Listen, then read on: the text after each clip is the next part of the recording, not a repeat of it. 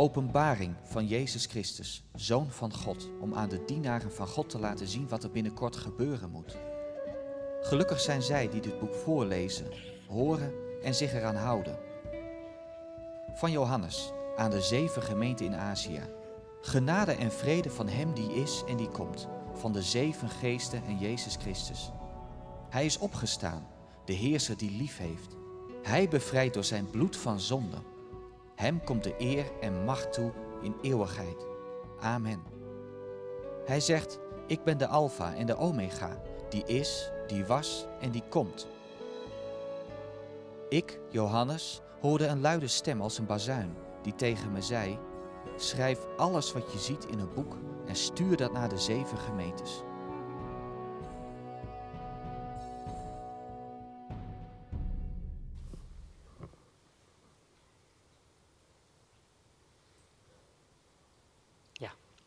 Met u bidden? Vader in de hemel, dank u wel. Dank u wel, heren, dat wij telkens wanneer wij dat willen, mogen naderen voor uw troon, de troon van uw genade. En heren, dat wij dat mogen doen in de naam van uw Zoon, de Heer Jezus, en dat we dat nu ook mogen doen, nee, nu wij uw woord gaan openen. Heren, wij willen aan u teruggeven wat van u is, alle lof en eer tot in alle eeuwigheid. En van uw verlangen, Heer Jezus, dat u ons vanuit uw genade en vanuit uw glorie laat zien wat u ons nu wilt zeggen, ook door uw woord. Heren, daartoe zijn wij niet in staat, ik niet. Opent u onze harten. Heren, bereid in ons leven wat u ons wilt geven in afwachting van de dag dat u komt. Maar als wij nu gaan lezen uit uw woord, dan bid ik zegen het aan ons hart en spreek, want uw dienaren luisteren. In Jezus' naam. Amen. Amen.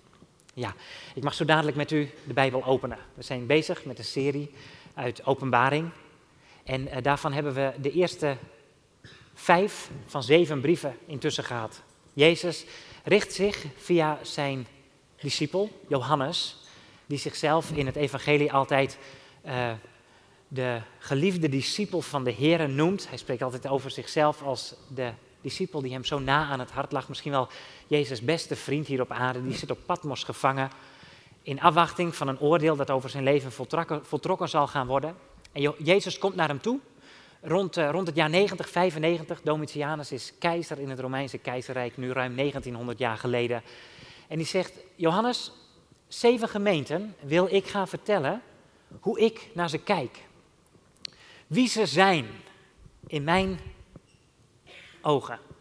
Zoals ik ze doorgrond, zoals ik ze ken.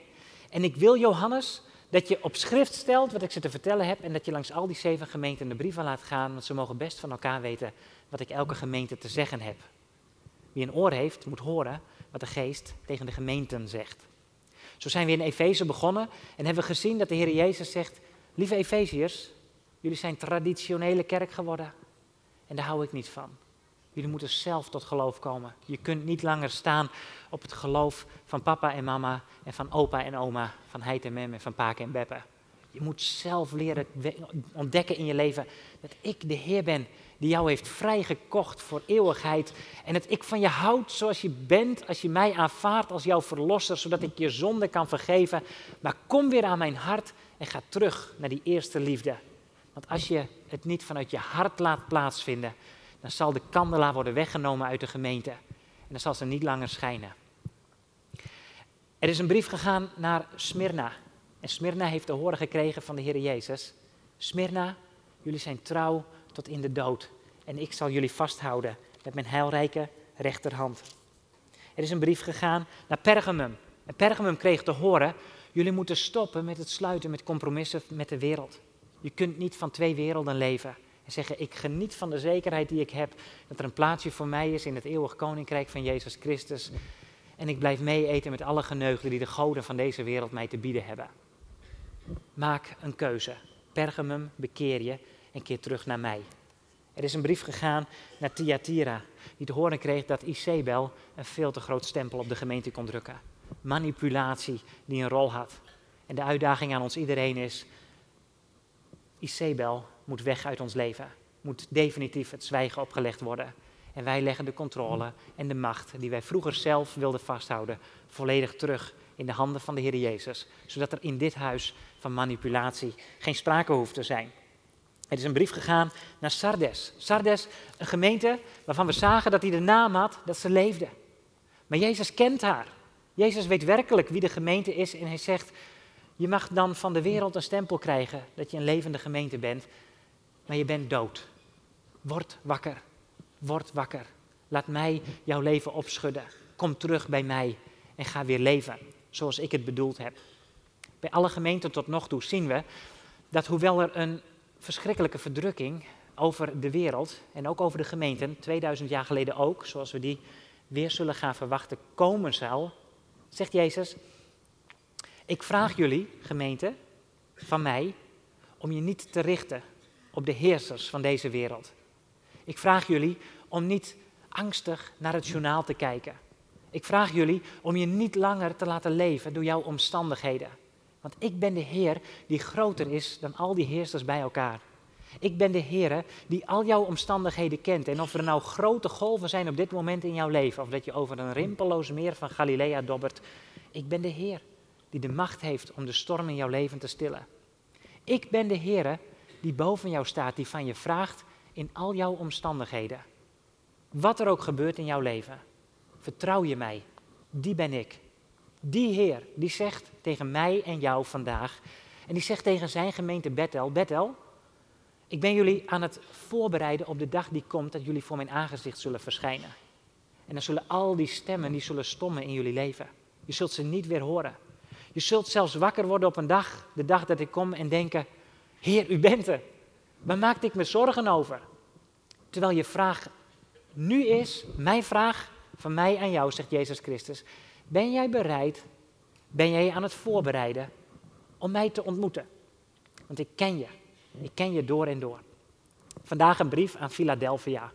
En van Philadelphia weet u misschien wel, het is de gemeente die er met kop en schouders bovenuit steekt. Eigenlijk een beetje vergelijkbaar met Smyrna. Ook Smyrna krijgt geen verwijten van de Heer Jezus te horen.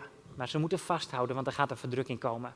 Philadelphia krijgt van de Heer Jezus, anders dan de andere gemeenten, eh, met Smyrna samen, geen taken ten aanzien van datgene wat ze zouden moeten veranderen in hun leven. Maar het is één grote bemoediging aan het adres van deze gemeente. En ik wil eerst de brief met jullie lezen. Schrijf, zegt Jezus tegen Johannes, aan de engel van de gemeente in Philadelphia. Dit zegt de heilige, de waarachtige, die de sleutel van David heeft, die opent en niemand sluit, en hij sluit en niemand opent. Ik ken uw werken. Zie, ik heb voor uw ogen een geopende deur gegeven en niemand kan die sluiten, want u hebt weinig kracht en toch hebt u mijn woord in acht genomen en mijn naam niet verlogend. Zie, ik geef u enigen uit de synagoge van de Satan, van hen die zeggen dat zij Joden zijn en het niet zijn, maar liegen. Zie, ik zal maken dat zij komen en aan uw voeten aanbidden en erkennen dat ik u lief heb.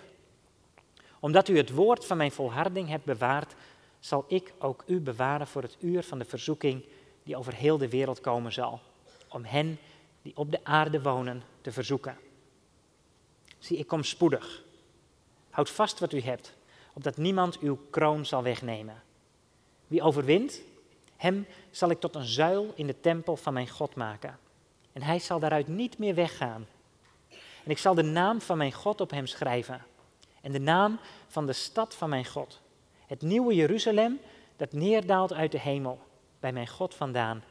En mijn nieuwe naam. Wie oren heeft, laat hij horen wat de geest tegen de gemeente zegt.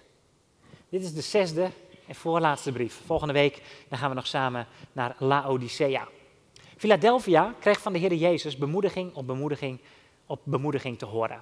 En het lijkt me goed om ook even, zoals we met de andere steden dat gedaan hebben, naar Philadelphia toe te gaan. Philadelphia lag, uh, als je bij Sardes geweest bent, nog 45 kilometer verder naar het zuidoosten. En daar komen we dan aan in de plaats die ooit een, een welvarende, een economisch bloeiende stad is geweest. Er liep een handelsroute doorheen. En net als in alle andere steden was er veel volk dat goden aanbad om de zegen van al die goden te kunnen afdwingen. Misschien de belangrijkste god van Philadelphia was Dionysus. Haar naam hebt u vaker langs horen komen. En Dionysus, dat is de godin van de wijn. Wist u dat? Daar heb je goden van. Soms ontmoet je ze als je er te veel van gehad hebt misschien. Dionysus werd aanbeden in Philadelphia. En uh, Domitianus, de keizer in Rome, die heeft in het jaar 92 besloten dat van alle wijnbouwbedrijven de grond die ze gebruikten om hun druivenranken op groot te laten worden, dat ze die moesten rooien. Philadelphia ging het economisch gezien het meest voor de wind vanwege haar wijnhandel. Ze hadden vulkanische grond naast de stad liggen en die was zeer geschikt voor het verbouwen van druiven. Maar er zou hongersnood gaan komen. En Domitianus had bepaald dat alle grond voor de helft gerooid moest gaan worden, zodat er graan verbouwd kon gaan worden. De grond was zeer ongeschikt voor graan. Maar alles moest Philadelphia inleveren. Ten koste van dat machtig besluit dat Domitianus daar in Rome nam. Waardoor ze hun welvaart van de ene op de andere dag als in rook zagen opgaan. Je kunt je voorstellen dat in een stad waar een keizer, die zo aanbeden werd, maar zulke besluiten neemt, dat de bevolking gedesillusioneerd raakt. Wat heeft Dionysus ons nog te bieden? Wat heeft Domitianus, wat heeft Rome ons nog te bieden? De stad raakte achterop en kon de andere steden niet meer bijbenen, die zoveel bezocht werden en waar het nog steeds zo ontzettend goed ging, waar de mensen het, naar de mens gesproken en materieel gezien, nog steeds zo ontzettend goed hadden. Philadelphia raakte achterop, kan het niet bijbenen en raakt aan lager wal. Een ander aspect wat het voor Philadelphia bijzonder zwaar maakte ten opzichte van al die andere steden, was dat ze op een breuk leefden, waar onder andere in het jaar 17 na Christus een machtige aardbeving is geweest. Bij die aardbeving is de hele stad in puin gevallen. Net als sommige andere steden op dat moment ook, die met behulp van het Romeinse keizerrijk toch ook weer opgebouwd waren. Maar het lag op een plek waar zo vaak aardbevingen waren en zoveel naschokken, dat Philadelphia altijd aan het bouwen was. Er was geen dag dat niet een van de huizen nieuwe scheuren vertoonde of in puin dreigde te vallen. Een aantal weken geleden noemde ik Groningen in het kader van het goud dat in Sardes werd gevonden en het gas dat daar werd gevonden, wordt gevonden. Nu zien we de gevolgen als van de welvaart die we er met elkaar van gehad hebben. Zo zou het bijna te proeven zijn geweest in Philadelphia. Dat je altijd in angst leefde in je eigen huis. Kan ik die stenen waaronder ik woon, kan ik die wel vertrouwen?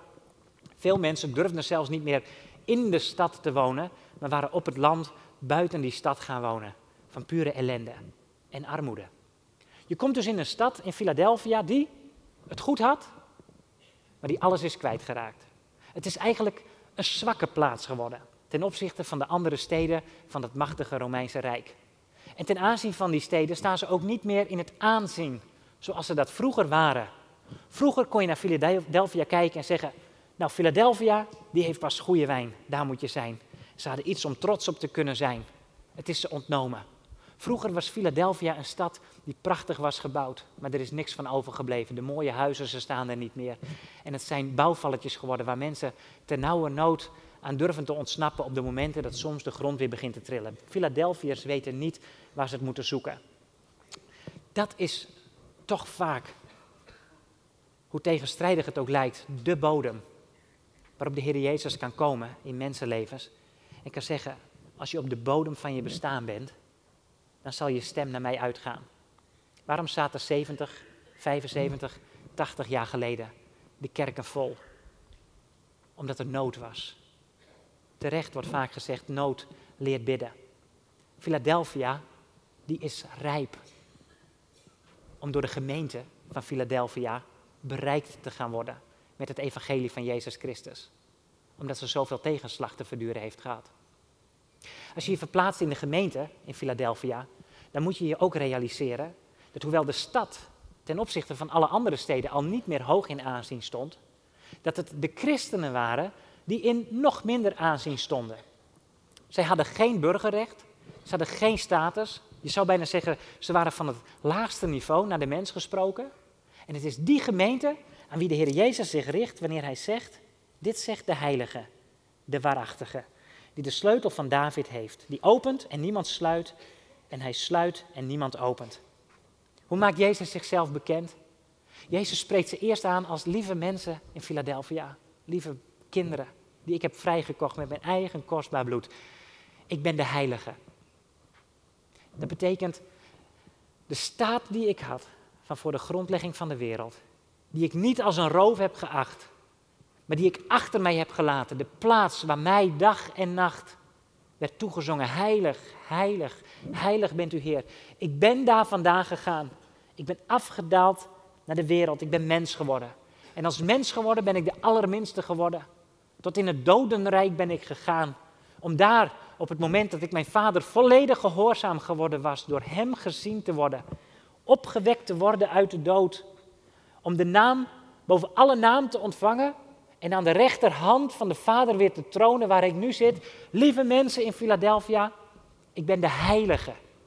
Ik sta ver boven al jullie omstandigheden. Ik sta ver boven die keizer daar in Rome die denkt dat hij wat is.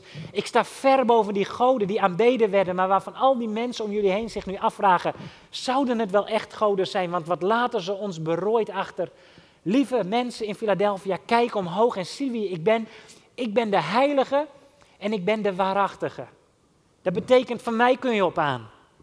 Alles waar de mensen om jullie heen vroeger op bouwden, op hun wijnranken, op hun keizer, op hun prachtige stad. Het is ze bij de handen afgebroken.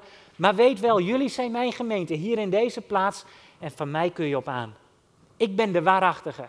Ik doe wat ik zeg. En als ik zeg dat ik van je hou, dan hou ik van je. En als ik zeg dat ik je niet zal loslaten, dan zal ik je niet loslaten. En als ik je zeg dat ik je zonde vergeef, dan vergeef ik jouw zonde. Lieve mensen in Philadelphia, jullie hebben het goed getroffen met mij. Ik ben de heilige en ik ben de waarachtige. Ik heb de sleutels van David. Jesaja hoofdstuk 22. Ik open en ik sluit wat niemand opent en wat niemand sluit. Christen zijn, anno 90, in al die steden waarover wij lezen met elkaar in deze maanden, betekent buitengesloten worden. Buiten staan. Er niet inkomen. En hoeveel van ons vergaat het niet ook zo? Dat op het moment dat wij soms rigoureuze geestelijke keuzes samen met de Heer Jezus willen maken. En willen zeggen, vanaf nu breek ik met de zonde. En dat betekent, ik maak keuzes in mijn werk. Ik maak keuzes richting de fiscus. Ik maak keuzes naar mijn partner. Ik maak keuzes naar mijn kinderen. Dat het onder ons niet broers en zussen zo vergaat dat we merken deuren gaan dicht. We komen er niet meer in. Hoe vaak hebben we niet gesprekken? Mag ik niet uit uw monden horen? Moet ik uit uw monden horen? Er is een breuk ontstaan op het moment dat ik de Heer Jezus als Heer van mijn leven aanvaarde. Mensen in Philadelphia kwamen op het moment dat ze de Heer Jezus leren kennen buiten te staan. De Philadelphiërs zelf konden op een gegeven moment hun eigen stad niet meer in. De stad leek wel gesloten.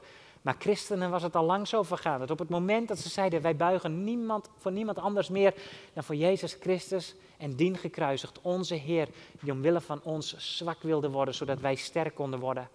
Dat ze merken: Ik kom er morgen bij mijn baas niet meer in. Ik kom er morgen bij mijn ouders niet meer in.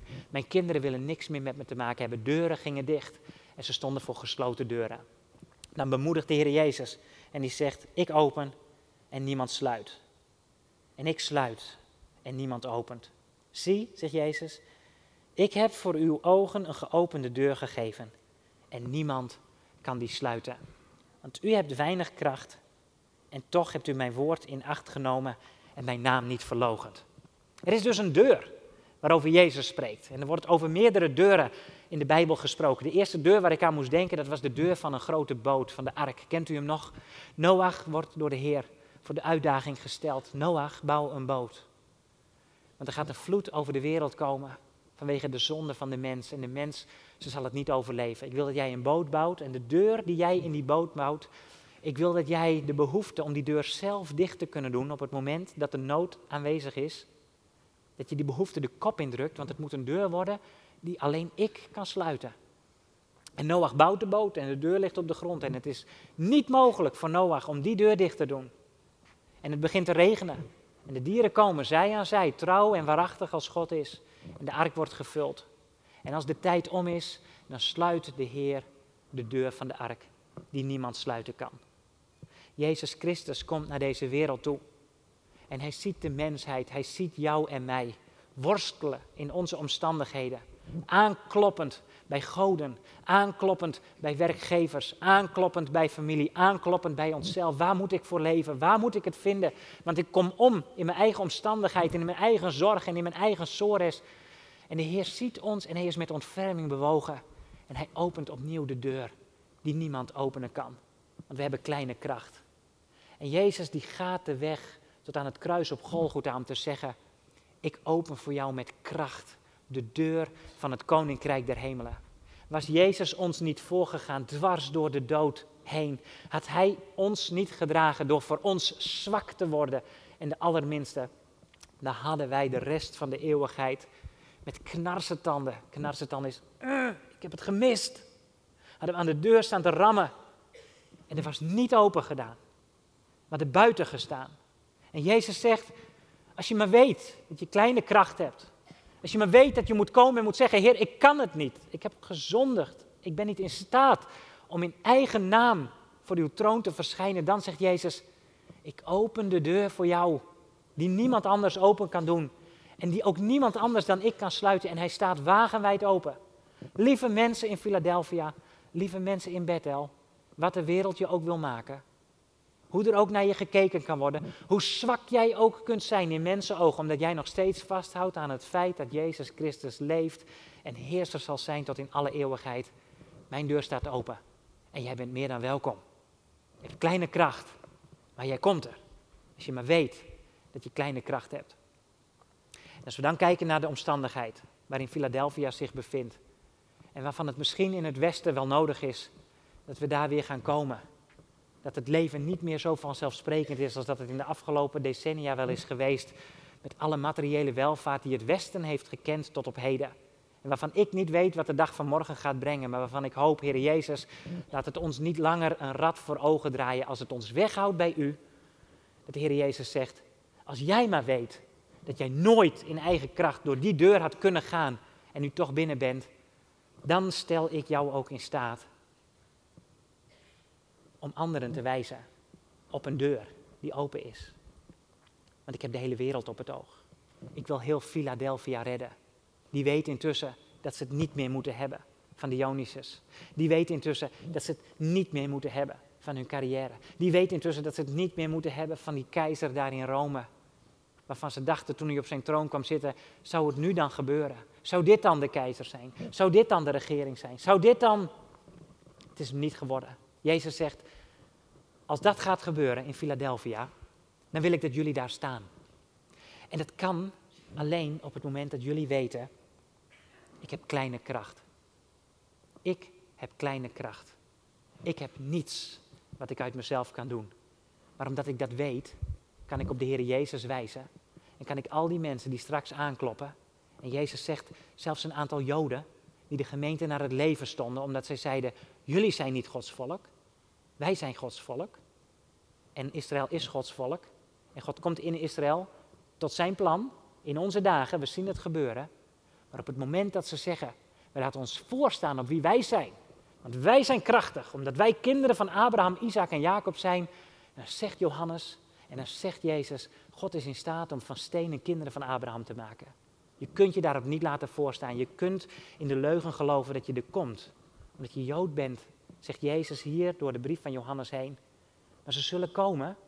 En anders dan wat er in Jesaja 45 en 60 staat, waar staat, en het zal gaan gebeuren, dat de volkeren bij Israël zullen komen en zullen zeggen, het is jullie God, er is geen ander, wij hebben goden nagelopen die geen goden zijn. Die tegenstelling ligt hier nu in de gemeente waarbij Jezus zegt, er zullen zelfs mensen komen straks, een aantal vanuit de Joden. En die zullen zich voor jullie laten neervallen en zeggen, jullie hebben gelijk, Jezus is toch Heer. En we hebben hem leren kennen. Maar Philadelphia, zelfs op dat moment is het ook nodig dat je je never, nooit op de borst gaat slaan en gaat zeggen, gelukkig, zie je wel dat wij gelijk hadden. Nee, Philadelphia, jij bent sterk omdat je weet dat je kleine kracht hebt. Als je dat maar weet. Wanneer je denkt aan een man als David. David die wordt door zijn vader naar het front gestuurd. Daar worden de Israëlieten belaagd door de Filistijnen. En die Filistijnen hebben één soldaat die het hele leger van Israël lam legt. Zelfs Saul, koning Saul, de man die met kop en schouders boven iedereen uitstak. Waarvan elk mens dus ook dacht, dat is pas kracht. Dat is de koning die wij zochten. Dat is de leider die wij wilden hebben. Maar Saul is niet krachtig. Saul is geneigd om naar zichzelf te kijken en niet te vertrouwen. En daarom zit hij elke dag bibberend in zijn tentje wanneer Goliath naar voren komt. Drie meter lang, je hebt het ermee te doen.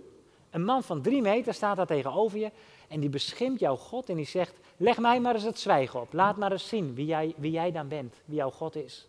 En omdat Saul niet naar God durft te kijken, kijkt hij naar zichzelf en denkt hij, tegen drie meter kan ik niet op. En het hele leger ook niet. David komt eraan, een kleine, zwakke man, een jongen nog maar. En hij hoort hoe de God van de hemelse legermachten wordt beschimpt. En in zijn zwakte vindt hij zijn kracht. Want hij komt bij Saul in zijn tent. En Saul zegt, hoe wil jij hem dan het zwijgen opleggen? Hij zegt, ik ga samen met de Heer. Hij heeft mij leeuwen en beren doen doden. Maar hij heeft het gedaan tot nog toe. En hij zal vandaag de Filistijn aan mij uitleveren, zodat iedereen zal zien, niet wie David is, niet wie de gemeente is, niet wie de mens is, zodat iedereen zal zien dat God leeft en dat Hij er is. Hij zal zich tonen in mijn kleinheid, in mijn zwakte. En hij gaat op Goliath af. En omdat David niet kijkt naar een probleem van drie meter, maar naar een schepper van het heelal, is het in de naam van de God van de hemelse legermachten dat die dag Goliath wordt geveld. Een kleine man. Paulus. Paulus was een sterke man. Paulus was een man die had gestudeerd, die zou carrière gaan maken. Die zou, als hij in de tempel zou hebben gesproken, wanneer hij later groter zou zijn geweest, altijd de grootste groep luisteraars gehad hebben. Iedereen dacht, die man, die gaat het pas maken in het leven. Hij is op weg naar Damascus. En de Heer Jezus die zegt, Saul, Saul, waarom vervolg je mij? En op die dag wordt van Saul alles, Saulus alles afgenomen. Saulus bekeert zich en hij wordt Paulus. En later als hij in Korinthe is, maar de Corinthiërs altijd zo geneigd zijn om naar de spreker te kijken en te zeggen, die moet je pas hebben. Nee, je moet die spreker hebben, je moet die spreker hebben. Daar weet, daar weet Paulus intussen, mensen, alsjeblieft, hou daarmee op. Kijk niet naar de spreker, kijk naar degene over wie die het heeft. Want, zegt Paulus, ik heb me voorgenomen om zwak te worden voor jullie. Ik heb niks. En die hele opleiding van vroeger, weet je, hij gebruikt er een woord voor, uh, dat wat wij door de wc spoelen. Laat ik het daar maar bij laten. Hij ik heb het als drek geacht. Ik haal mijn identiteit niet meer uit wat ik vroeger belangrijk vond, waar ik mijn kracht in vond. Maar Saul is een jongen geworden, een man geworden die zegt, ik sta met lege handen voor een Heer die mij zijn kracht betoont. Ik heb helemaal niets uit mezelf. En vanaf dat moment gaat de Heer, Heer Jezus hem zo zegenen, dat hij de hele wereld tot op de dag van vandaag mag bereiken met het evangelie van Jezus Christus. Want niet langer Paulus moest gezien worden en nooit David moest gezien worden. En zet alle voorbeelden uit de Bijbel maar op een rij. Niet de mens moest gezien worden, maar Jezus Christus moest gezien worden. En waar laat Jezus Christus zichzelf zien? Daar waar jij en ik met elkaar tot een slotsom komen, dat we op onze knieën gaan en zeggen, Heer Jezus, ik heb helemaal niets. Het was onze trouwtekst, straks 14 jaar geleden, en ik bid hem zo vaak. Als ik zondagochtend ook naar de Heer toe ga, en ik weet, Heer, straks mag ik spreken over u, dan wordt mijn gebed telkens weer, zonder mij staat daar in Johannes hoofdstuk 15, zonder mij kunt gij niets doen. Zonder mij kunt gij niets doen. En dan denk ik vaak aan Psalm 18 ook. Maar met mijn God spring ik over de hoogste berg. Omdat Hij het is die dan werkt. Lieve broers en zussen, wij zijn gemeente van de Heer Jezus Christus met elkaar. Maar de wijze waarop wij gemeente mogen zijn, weet u, naar de mens gesproken, heeft de Heer ons veel toevertrouwd. Mogen we veel tot stand zien komen. En ik kies bewust voor die woorden. We zien zaken tot stand komen. We brengen geen zaken tot stand. We kunnen niet organiseren. Als de Heer het huis niet zegent, te vergeefs zwoegen de arbeiders eraan.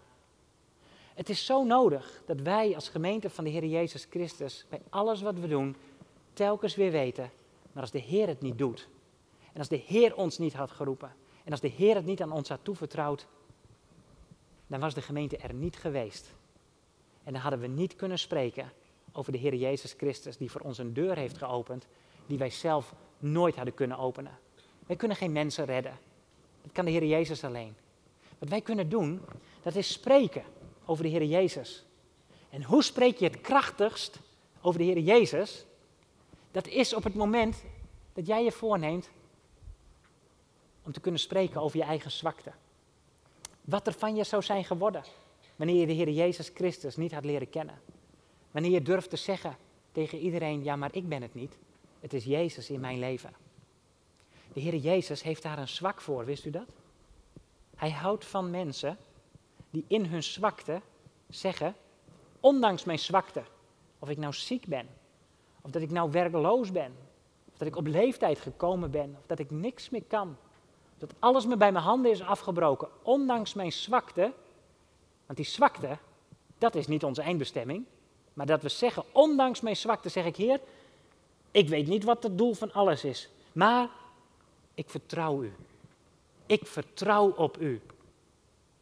Of ik genezen word, of dat ik weer werk krijg, of dat ik zal opstaan, of dat ik zal sterven, of dat ik werkloos zal blijven totdat tot, tot u me komt halen, of dat ik nooit weer zal opstaan. Heer Jezus, ik weet het niet. Ik overzie mijn leven niet zoals u dat doet. Maar Heer Jezus, no matter what, ik vertrouw u.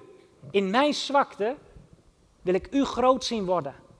Ik zal niet meer trots zijn op mezelf, ik zal trots zijn op u.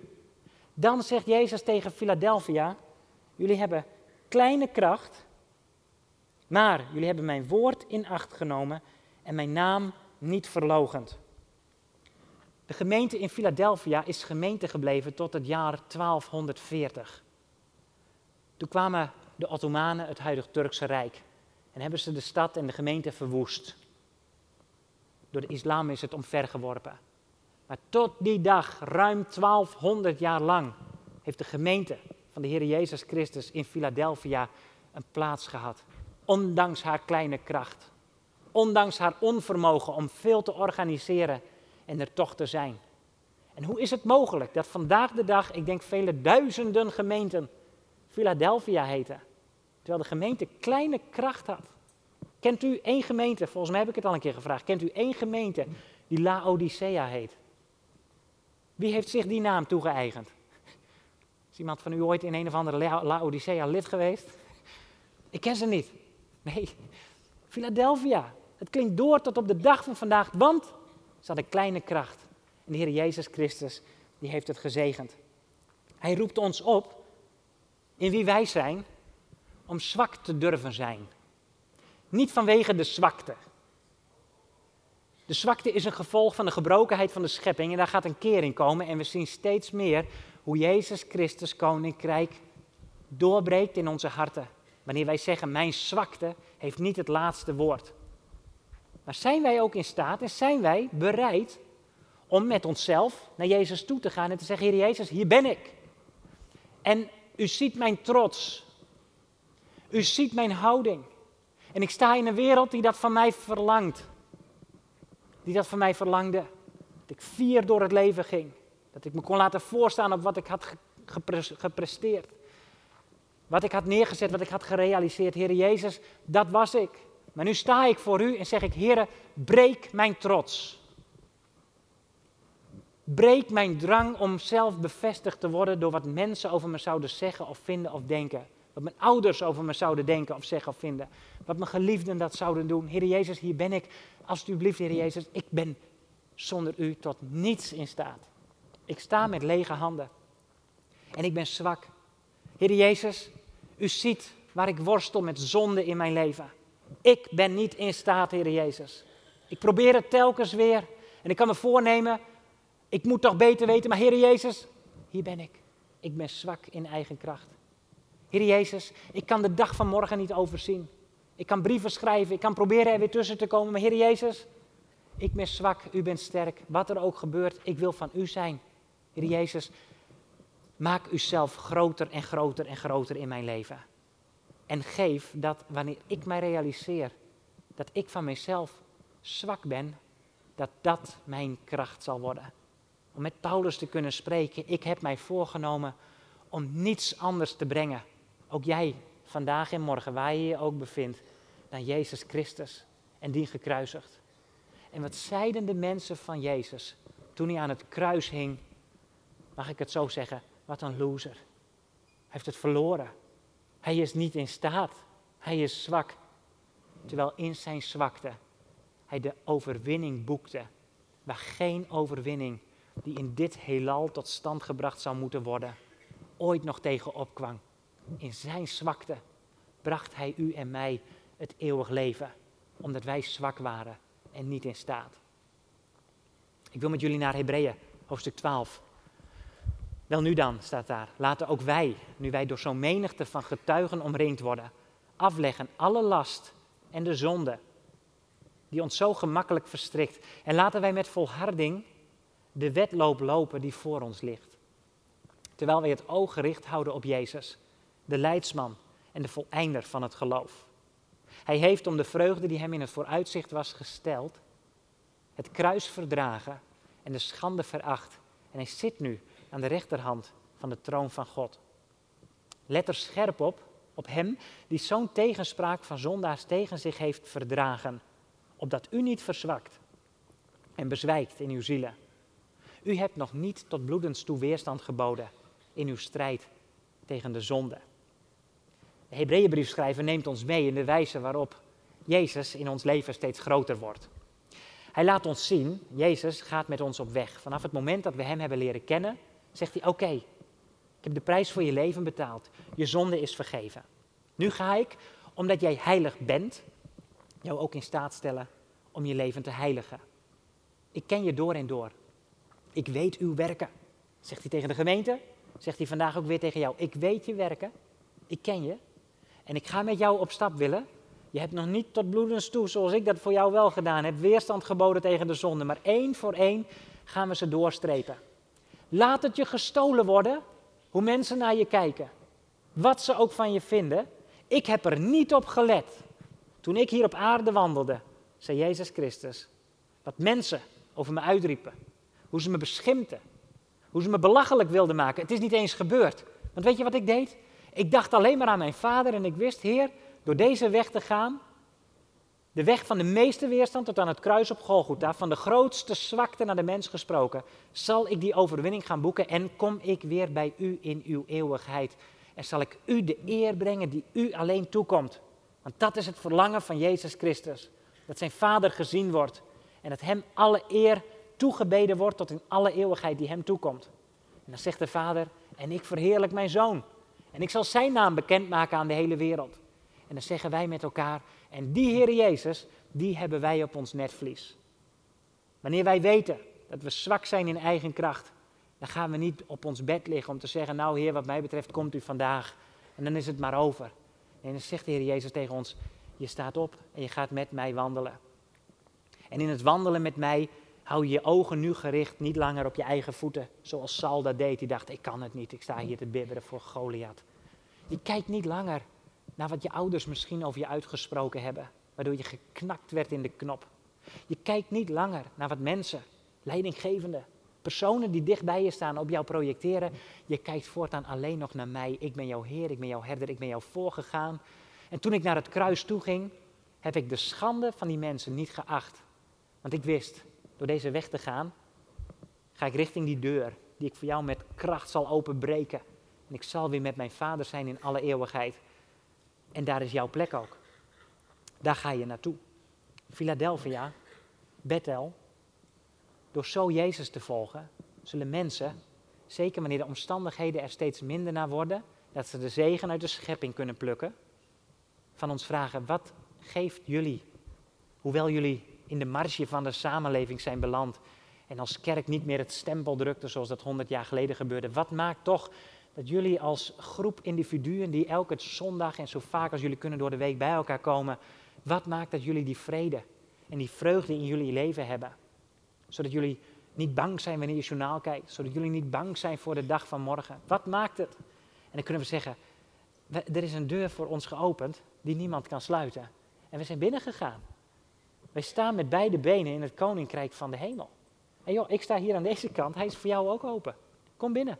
Leer Jezus vandaag nog kennen en ontdek dat Hij je kan bieden wat de wereld je niet zal bieden. Rust, vrede, eeuwig leven, met Hem zijn tot in alle eeuwigheid. Op basis daarvan, rond ik af, geeft Jezus een heel aantal beloften aan zijn gemeente. Vers 12, wie overwint, ik zal hem tot een zuil in de tempel van mijn God maken en hij zal daaruit niet meer weggaan. Jezus kijkt naar een stad die elke dag verder afbrokkelt. En weer opgelapt wordt en weer afbrokkelt en weer afgelapt moet worden. Hij zegt, wie overwint, die maak ik tot een zuil in mijn tempel. Ik had me voorgenomen om Psalm 122 te lezen, maar leest u hem thuis. Lees Ezekiel 47 en 48 een keer. Lees Openbaring 21. En er wordt een Jeruzalem beschreven waarvan je weet, nou, dat is aardbevingsproef. Dat staat als een huis, letterlijk. En in dat huis zal God wonen. En hij zegt hier tegen Philadelphia, nou, misschien zouden andere gemeenten in steden waarbij mensen zeggen, nou, als je daar gemeente kunt zijn, dan heb je de naam dat je leeft. Als je daar gemeente kunt zijn, dan kun, je, dan, kun je, dan kun je trots zijn op alles wat je tot stand kunt brengen. Misschien denken die gemeenten wel, nou, waar zouden wij straks een plekje in de eeuwigheid krijgen? Philadelphia, jullie zijn een kleine gemeente, jullie zijn een zwakke gemeente. Jullie verhouden je in een wereld die ook zwak is.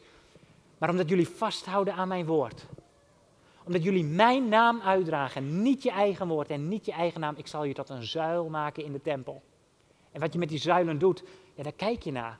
Als je wel eens in mooie oude gebouwen bent geweest, als we nog eens naar die zuilengang van Salomo zouden kunnen, van 2000 jaar geleden. Je zou versteld staan over de impressie die je krijgt wanneer je naar zo'n machtige zuil kijkt, waar het hele bouwwerk op rust. Philadelphia, ik maak je tot een zuil in mijn huis. Hier kan ik op bouwen. Lieve mensen, lieve broers en zussen, wat bid ik? Dat wij zullen vasthouden aan de naam van de Heer Jezus en aan zijn woord. Zodat naar de gemeente Bethel gekeken wordt op een andere manier dan wel eens gedaan wordt vanwege wat hier aan organisatiemogelijkheden ligt. En ik geloof dat het gebeurt omdat mensen naar de gemeente gaan kijken, omdat Jezus Christus hier groot gemaakt wordt. Omdat zijn naam op handen gedragen wordt, omdat we vast willen houden aan zijn woord. Dat is ons verlangen. Jezus en Jezus alleen. Zijn naam en zijn woord die wij willen uitdragen. Als dat centraal staat in de gemeente van de Heer Jezus Christus, dan zegt hij, maar daar bouw ik op. Op mijn woord en op mijn naam. En ook alleen daarop. Hij is de Heer van zijn gemeente. Ik zal op hem, staat, staat er verder dan nog, de naam van mijn God schrijven. En de naam van de stad van mijn God. Het nieuwe Jeruzalem dat neerdaalt uit de hemel. Bij mijn God vandaan. En mijn nieuwe naam. Dat zijn bemoedigingen die Jezus ons geeft. Als we als gemeente van Jezus Christus, omdat we zijn woord willen vasthouden, omdat we zijn naam willen uitdragen, zoals het in Philadelphia gebeurde, als we daaraan vasthouden, dan zegt Jezus, dan bouw ik mijn kerk daarop en weet van die zuil die je mag zijn, daar doe ik drie dingen mee. Ik schrijf de naam van mijn God daarop. De naam van Yahweh werd op het volk Israël gelegd. Ik ben wie ik ben. Met andere woorden, God zegt tegen zijn gemeente, jij bent van mij en je zult niet meer verwijderd worden. Ik schrijf op jouw gemeente, zegt hij tegen Philadelphia, ook de naam van het nieuwe Jeruzalem. Je leeft nu nog in een stad die in duigen zal vallen. Wij leven nu nog in een stad die in duigen zal vallen. Maar op de gemeente van de Heer Jezus Christus wordt, wanneer zij de naam van Jezus en die alleen blijft uitdragen en ze vasthoudt aan zijn woord, de naam van een nieuwe stad geschreven. En denk daar maar vast aan. Dit is niet ons Jeruzalem. Wij gaan naar Jeruzalem. En de naam staat al vast op ons lijf geschreven. En zegt Jezus, ik zal ook mijn nieuwe naam op de gemeente schrijven. Mijn nieuwe naam. Wij kennen onze Heer Jezus met vele namen. Ik zou ze allemaal kunnen opnoemen. Vanuit het Oude en vanuit het Nieuwe Testament. En het zouden er te veel zijn voor die ene dienst die we vandaag met elkaar hebben. En hier zegt Jezus, ik heb nog een naam. Een nieuwe naam. Je zult me straks kennen zoals ik ben. Zoals ik ben. Maar aan de gemeente die mijn naam op handen draagt, aan de gemeente die mijn woord vasthoudt en alleen gaat voor mijn naam, de naam van Jezus Christus, aan die gemeente zal ik alvast beginnen bekend te maken wat mijn nieuwe naam is. Wat mijn nieuwe naam is. Net voor de tweede dienst even met uh, zuster Betty Engelsman te spreken. Ik weet niet waar je zit, Betty. Ja, daar. We hadden het er even over. Straks zijn we in de eeuwigheid. En dan ontmoeten we elkaar weer. Maar dan kijken we ook samen, ook met Hans, vertelde je, naar Jezus. Want Jezus is de voleinde van ons geloof. En, en dan zullen we Hem zien zoals Hij is. Dan is Hij de Heer van de gemeente, waarvan wij nu nog soms denken, Heer, wij weten de helft nog niet van wie U bent. Hoe groot, hoe mooi, hoe bijzonder U bent. Maar als wij met elkaar ons voornemen om Zijn woord vast te houden en om Zijn naam uit te dragen, dan geloof ik Dat in afwachting van de dag dat we straks samen met onze geliefden weer voor de troon van God staan en we Jezus zien zoals Hij is en er geen preek meer nodig is en we zullen zingen tot in alle eeuwigheid. Dat we dan zullen zien wat we in onze dagen, omdat we vasthouden, steeds meer mogen ontdekken. Hoe groot, hoe mooi, hoe lief en bijzonder onze Heer Jezus is. Als we kleine kracht hebben, laat Hem dan sterk zijn in ons midden. In Jezus' naam. Amen. Ik mag met u bidden. Heer Jezus, dank u wel dat u de Heer bent van de gemeente. Dank u wel dat u haar bouwt, wereldwijd. Dat er vandaag vele miljoenen mensen samenkomen in plaatsen als deze. En heren, wij weten hoe er naar de gemeente gekeken wordt. Hoe er soms op haar geprojecteerd wordt wie ze is. Of ze zwak is of krachtig. Of ze klein is of groot. Heer Jezus, afgemeten aan de eeuwigheid en afgemeten aan wie u bent. Hier staan we. we hebben niets wat wij niet van u hebben ontvangen. Zonder u, Heer Jezus, wij beleiden het, kunnen wij niets doen. Maar, Heer Jezus, wij willen bouwen op uw woord. We willen vasthouden aan uw naam en geen ander verkondigen dan u alleen, Heer. Heer Jezus, als u ons vanochtend hebt toegesproken, dan bid ik dat u dit uitwerkt in onze harten. Heer, geef dat voor hoogmoed in de levens van uw kinderen nooit meer plaats kan zijn. En waar we onszelf daarin kennen, Heer Jezus, dat we onszelf zullen afleggen voor de troon van uw genade en zullen zeggen, Heer Jezus, neem mij, kneed mij, vorm mij, vul mij. Heer Jezus, bewerkstellig in mijn leven dat ik op u ga lijken. En Heer, waar wij niet in staat zijn om zonde af te leggen in eigen kracht, Heer Jezus, snijd u het weg uit onze levens en verheerlijk u zelf ook daarin. U komt alle lof en eer toe en u alleen hebt alle macht in hemel en op aarde.